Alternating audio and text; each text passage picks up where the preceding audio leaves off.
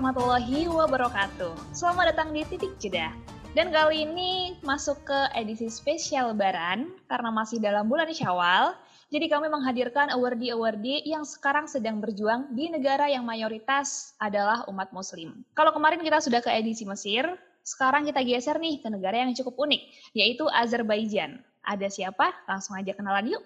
Uh, hai fighters, kenalin nih, nama aku Alif Paramardika Putra sekarang lagi studi. Aku beda sama teman-teman yang ada di sini ya. Aduh, aku sebenarnya masih bachelor uh, jurusan hubungan internasional dan di, di di kampusnya namanya Khazar University, Baku, Azerbaijan. Jadi kalau dari Kaliu sendiri ini kan pendidikan sebelumnya itu di pondok pesantren ya kak ya? Nah ini aku sempat penasaran sih, iya. kenapa akhirnya harus melanjutkan studi di luar negeri, khususnya di Azerbaijan. Kan uh, pada umumnya uh. kan kayak orang-orang uh, pondok pesantren ataupun juga lulusan SMA, targetnya ya udahlah dalam negeri yeah. aja ikut SBMPTN gitu. Nah kalau dari hmm. kali sendiri gimana? Unik sih, benar-benar. Uh, emang aku dari dulu setelah lulus dari pondok tuh emang memang malahan nggak niat buat ikut SBMPTN. Aku pengen nyari udah langsung keluar negeri aja lah gitu. Kayak soalnya banyak banget alumni-alumni yang memang mereka sudah berkiprah di luar negeri dan nyatanya memang tidak sesulit itu loh kuliah di luar negeri gitu loh. Dengan berbagai macam beasiswa yang ada ya dan juga dengan hmm. berbagai kesempatan lah gitu. Jadi aku rasa ya udah karena banyak dan banyak juga eh, link-link yang kita dapat ya dari alumni-alumni yang sudah berkiprah di luar negeri. Oh jadi kita ya mencoba untuk mendaftar ke negara-negara yang yang sebenarnya banyak yang sudah banyak yang udah ada alumni dari pondok aku itu gitu. Kalau ditanya kenapa ke Azerbaijan sebenarnya unik karena aku dulu malah nggak tahu Azerbaijan itu apa gitu. Mm -hmm. Sama seperti teman-teman yang ada di sini juga para fighters semua juga mungkin berpikir Azerbaijan itu apa sih negara apa gitu kan.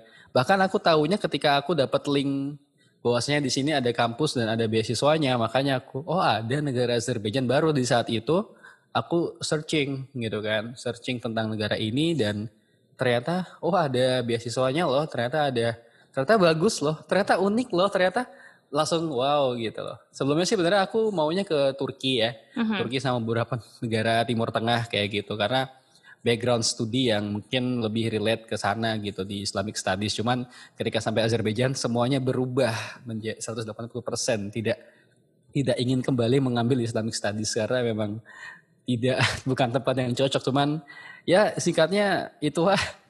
Nah, tapi kalau ngomongin soal persiapannya sendiri nih, uh, tadi kan juga sempat dimention kalau misalnya sudah ada keinginan dari sebelum lulus pondok untuk melanjutkan studi di luar negeri. Nah, kalau untuk persiapannya yang dilakukan oleh Khalif sendiri ini uh, start dari mana? Start dari sejak kapan buat prepare-prepare uh, studi ke luar negeri? Persiapan ya. Hmm. Oke. Okay. Um, sebenarnya kalau dari pondok sih kita kan dibekali dengan bahasa ya, bahasa Inggris sama bahasa Arab ya walaupun memang aku akuin bahasa Inggris kita tidak selevel dengan bahasa Arab kita gitu karena majority of uh, lessons are in Arabic lessons, eh, Arabic language gitu. Jadi nggak kebanyakan pakai bahasa Arab tapi tidak karena kita, tapi kita tidak asing dengan bahasa Inggris jadi tinggal improve aja sih aku rasa kayak gitu. Dan dari situ banyak teman-teman yang mungkin setelah keluar pondok mereka melanjutkan uh, memperdalam lagi bahasa um, sorry. Khususnya memperdalam lagi bahasa Inggris ke Pare termasuk aku juga ke kampung Inggris. Walaupun aku, walaupun aku di situ bukan untuk ambil IELTS atau TOEFL ya. Teman-teman mm-hmm. banyak yang mengambil IELTS atau TOEFL nah jadi persiapannya sebenarnya ketika habis lulus kan kita harus ngajar dulu ya. Nah di selama setahun ngajar atau bahasanya setahun pengabdian itu kita persiapan lah di situ ada yang sudah mulai yang mau ikut SBMPTN udah mulai belajar belajar buku buat ujian SBMPTN yang mau keluar negeri mulai memperdalam bahasa Inggrisnya gitu kan. Jadi udah hampir jadi sebenarnya kayak selama setahun itu aku sudah mulai prepare lah kayak gitu. Baru setelah lulus aku mulai uh, lebih dalam lagi belajar ya. Karena kalau misalnya waktu pengabdian kan nggak bisa fokus ya dan harus banyak kerjaan mm -hmm. juga jadi setelah lulus setelah keluar dapat ijazah baru tuh mulai lebih dalam lagi mem, apa, apa ya mendalami uh, persyaratan-persyaratan yang diminta kayak gitu. Sebelum memilih Azerbaijan ini sebenarnya apa apply pertama kali langsung ke Azerbaijan atau apply apply ke negara lain dulu dan sempat ketolak ketolak gitu si Kak Oh iya, ini menarik nih. Ini kisahnya panjang tapi hmm. semoga aku bisa persingkat ya. Sebenarnya aku dulu tuh pinginnya pingin banget tuh dari aku kelas uh, hitungannya kelas 1 SMA lah ya. Kelas 4 di pondok tuh kayak kelas 1 SMA. Kelas 1 SMA itu uh, aku belajar uh, sejarah Islam, tarikh Islam gitu kan. Dalam studi sejarah Islam tuh kita ketika itu sudah mencapai uh, zaman khilafah Utsmaniyah atau Ottoman Empire gitu. Dan ketika itu aku sangat tertarik dengan ceritanya Muhammad Al-Fatih, Sultan Muhammad Al-Fatih yang membebaskan Konstantinopel yang menjadi Istanbul saat ini. Dari situ aku mulai berpikir, wah Turki keren juga nih kayaknya nih dari sejarahnya gitu kan. Aku berpikir gimana nih bisa bisa ketemu langsung dengan bangunan Hagia Sophia ketika Hagia Sophia ketika itu. Dan seiring berjalannya waktu aku mulai prepare dan uh, apa ya pokoknya mindset aku ke Turki ke Turki gitu kan. Hmm. ke Turki terus sampai setelah lulus uh, dapat informasi ini ada link untuk mendapatkan beasiswa dari Turki nih gitu. Uh, ini ya YTB scholarship mungkin teman-teman juga udah tahu. YTB aku daftar juga YTB daftar YTB hmm. selain daftar YTB aku juga ingin mencoba untuk daftar di Al Azhar Mesir. Karena mungkin lebih mudah ya kalau buat alumni kita untuk ke, ke Azhar Mesir karena udah banyak banget alumni yang ke sana Nah, tetapi qadarullah ketika itu entah kenapa aku nggak jadi daftar ke Mesir. Singkatnya nggak jadi daftar. Jadi daftar ke Mesir tuh gampang tinggal ngikut eh, ikut apa namanya daurah apa ikut tes di kampus mana, UIN mana gitu kan. Habis itu nanti diterima apa enggaknya urusan nanti gitu. Tapi mayoritas teman-teman yang daftar itu keterima gitu. Karena memang ternyata tidak sulit itu untuk masuk ke Azhar. Nah, uh, singkat cerita nggak dapat Mesir nggak jadi, uh, Turki udah daftar. Selanjutnya aku juga daftar ke kalau nggak salah King Saud University, King Saud University di Arab Saudi, Riyadh, sama Islamic University of Madinah di Jamiah Islamiyah di Madinah. Aku daftar ke kampus-kampus itulah, gitu. Yang yang paling mudah daftarnya ya ketika itu YTB, karena YTB itu aku daftarnya pakai pakai nilai aja kita nggak punya ijazah gitu. Nilai aja nilai dari kelas 1 sampai kelas 5 tuh berarti kelas 2 SMA karena kelas 3 SMA kita belum punya ijazahnya belum punya transkripnya bahkan kita sendiri nggak tahu nilai kita berapa nggak tahu gitu. Um, singkat cerita ITB akhirnya uh, aku dapat undangan interview di Turki Bursları Scholarship itu. Uh, tapi Qadarullah dari dari teman-teman pondok yang daftar tuh kita ada tiga orang yang dapat interview. Kita berangkat bareng ke MBSI Turki. Dan ternyata udah interview bareng. Setelah satu bulan dua bulan kemudian dapat kabar bahwasanya dua teman aku nih udah dapat ini kabar uh, keterima gitu kan, keterima di Turki lah untuk beasiswa itu. Eh ternyata aku sendirian yang nggak dapat. Wah pas itu galau banget kan, karena kebetulan belum kuliah, SBMPTN juga nggak lulus karena emang nggak niat ya bayangin aja ikut SBMPTN gak belajar sama sekali. Cuman kayak ya udahlah ntar juga silang gitu kan. Ternyata silang ABC itu juga mikir sih ternyata baru sadar. Biasanya kalau di pondok gak ada silang ABC jadi lebih mikir. Cuman ya sepertilah kira-kira. Sehingga sempat down lah. Waduh down nih. Eh beberapa hari kemudian 2 sampai tiga hari aku dapat kabar mengenai Azerbaijan ini. Cobalah daftar singkat cerita aku datang ke Azerbaijan dulu baru bisa keterima di Azerbaijan gitu. Oh berarti sebelumnya menarik banget sih Kalif. Berarti sebelumnya sempat nyoba banyak banget beasiswa ya termasuk YTB sendiri.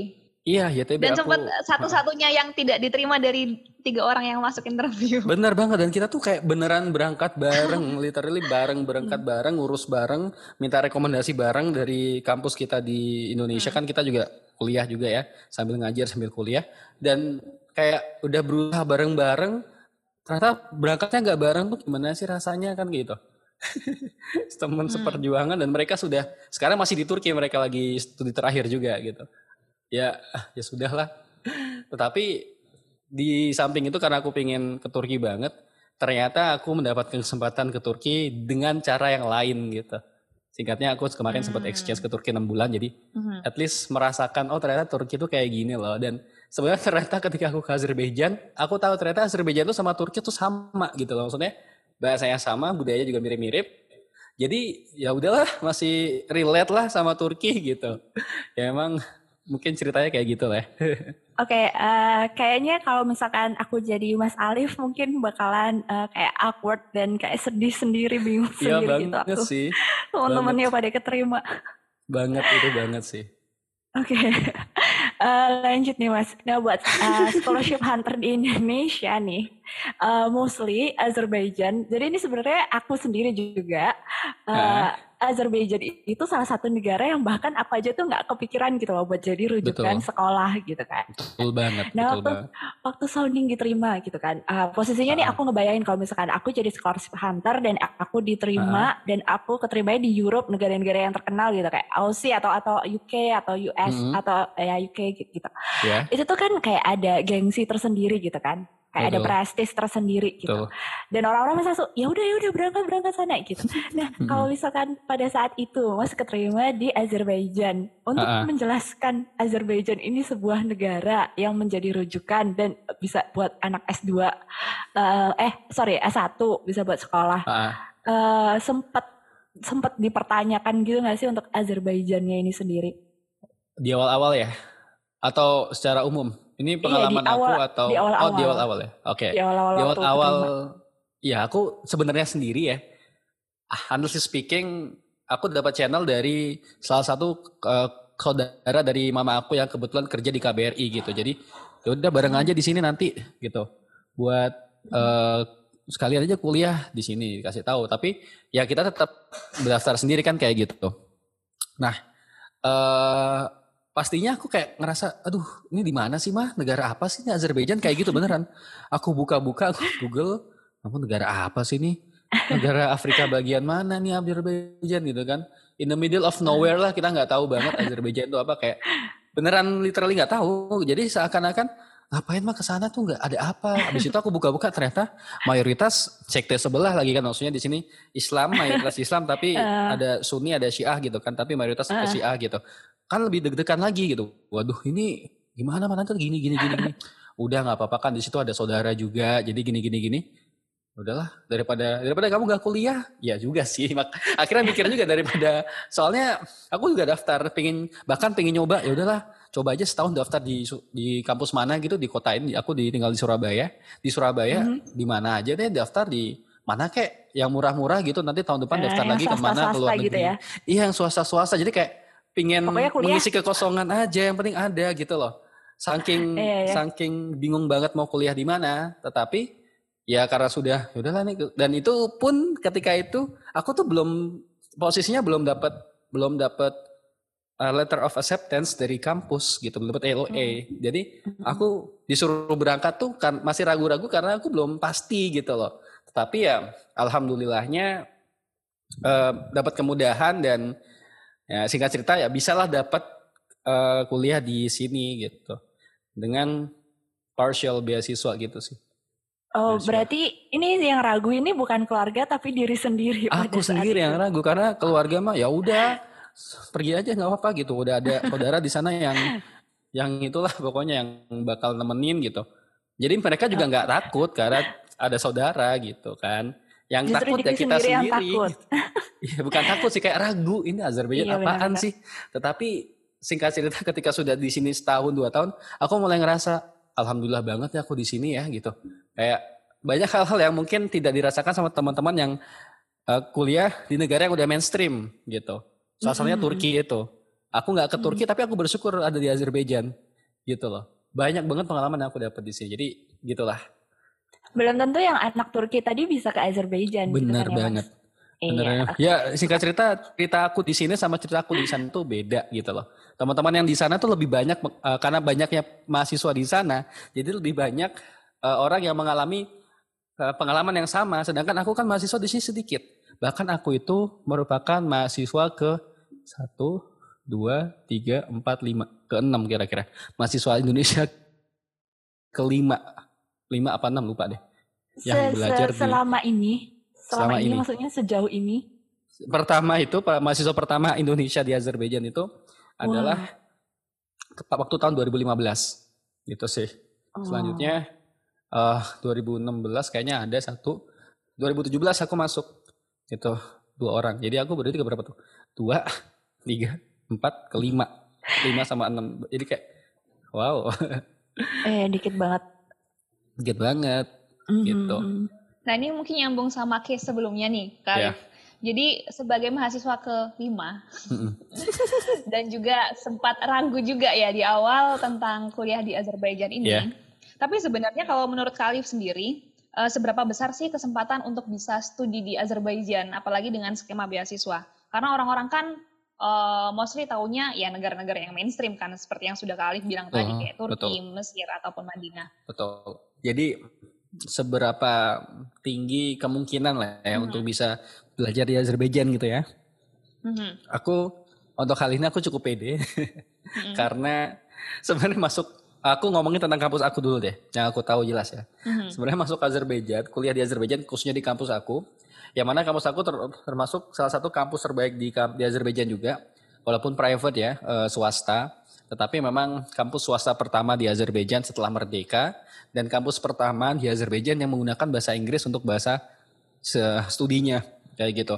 Jadi aku rasa termasuk yang bagus lah dan rankingnya juga beberapa tahun lalu tuh uh, kampus aku termasuk kampus yang ranking pertama di Azerbaijan. Jadi ya kita dan juga sudah sudah sangat di sangat uh, diketahui sama orang-orang sama kampus-kampus di Eropa khususnya di Eropa karena kita lebih uh, semua kasus di kasus lebih berkiblat ke Eropa.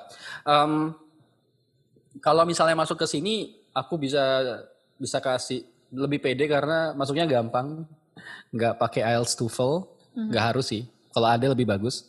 Terus tinggal ngumpulin berkas, nulis statement of purpose.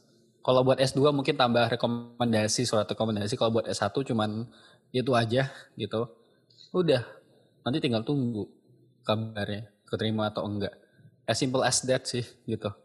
Jadi, dan kemungkinan akan mhm. diterima karena mereka masih butuh pelajar internasional. Walaupun memang kampus aku sudah cukup banyak pelajar internasional, cuman untuk meningkatkan uh, kualitas atau meningkatkan ranking kampus kan mungkin lebih banyak mahasiswa internasional lebih terlihat internasional kan kayak gitu. Jadi aku rasa cukup mudah ya untuk bisa berkuliah di kampus aku.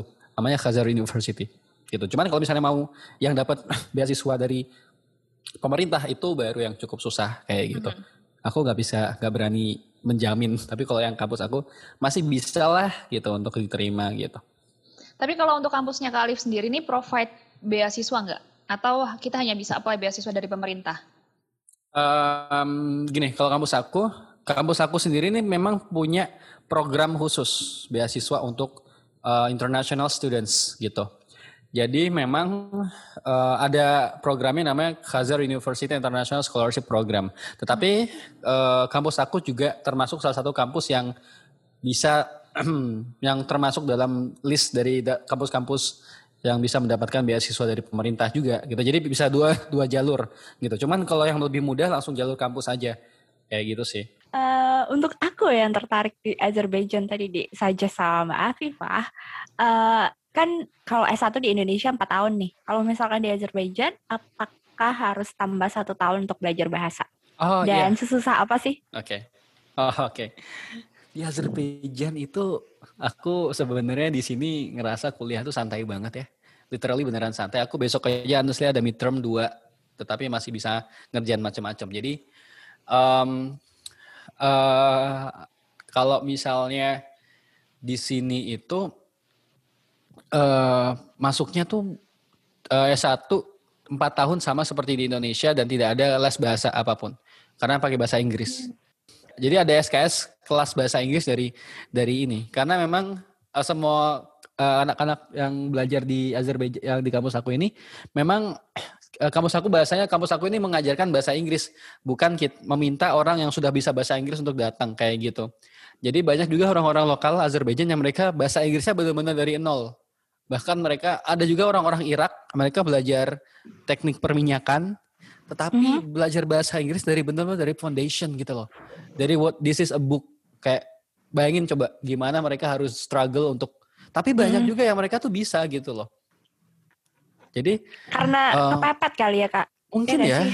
mungkin sih lebih kayak kepepet ya. Tapi Maka dari itu aku bisa bilang standar bahasa Inggris ini tidak terlalu tinggi gitu. Makanya uh. teman-teman yang mau daftar ke sini ya nggak harus bisa bahasa Inggris yang perfect. Bukan teman aku di sini, uh, sorry to say bahasa Inggrisnya masih ngaco banget lah. Kalau misalnya kita dengar tuh, aduh, lu, kalau misalnya netizen Indonesia mendengarkan bahasa Inggris dia, ya, ya begitulah tahu sendiri lah ya gitu kan.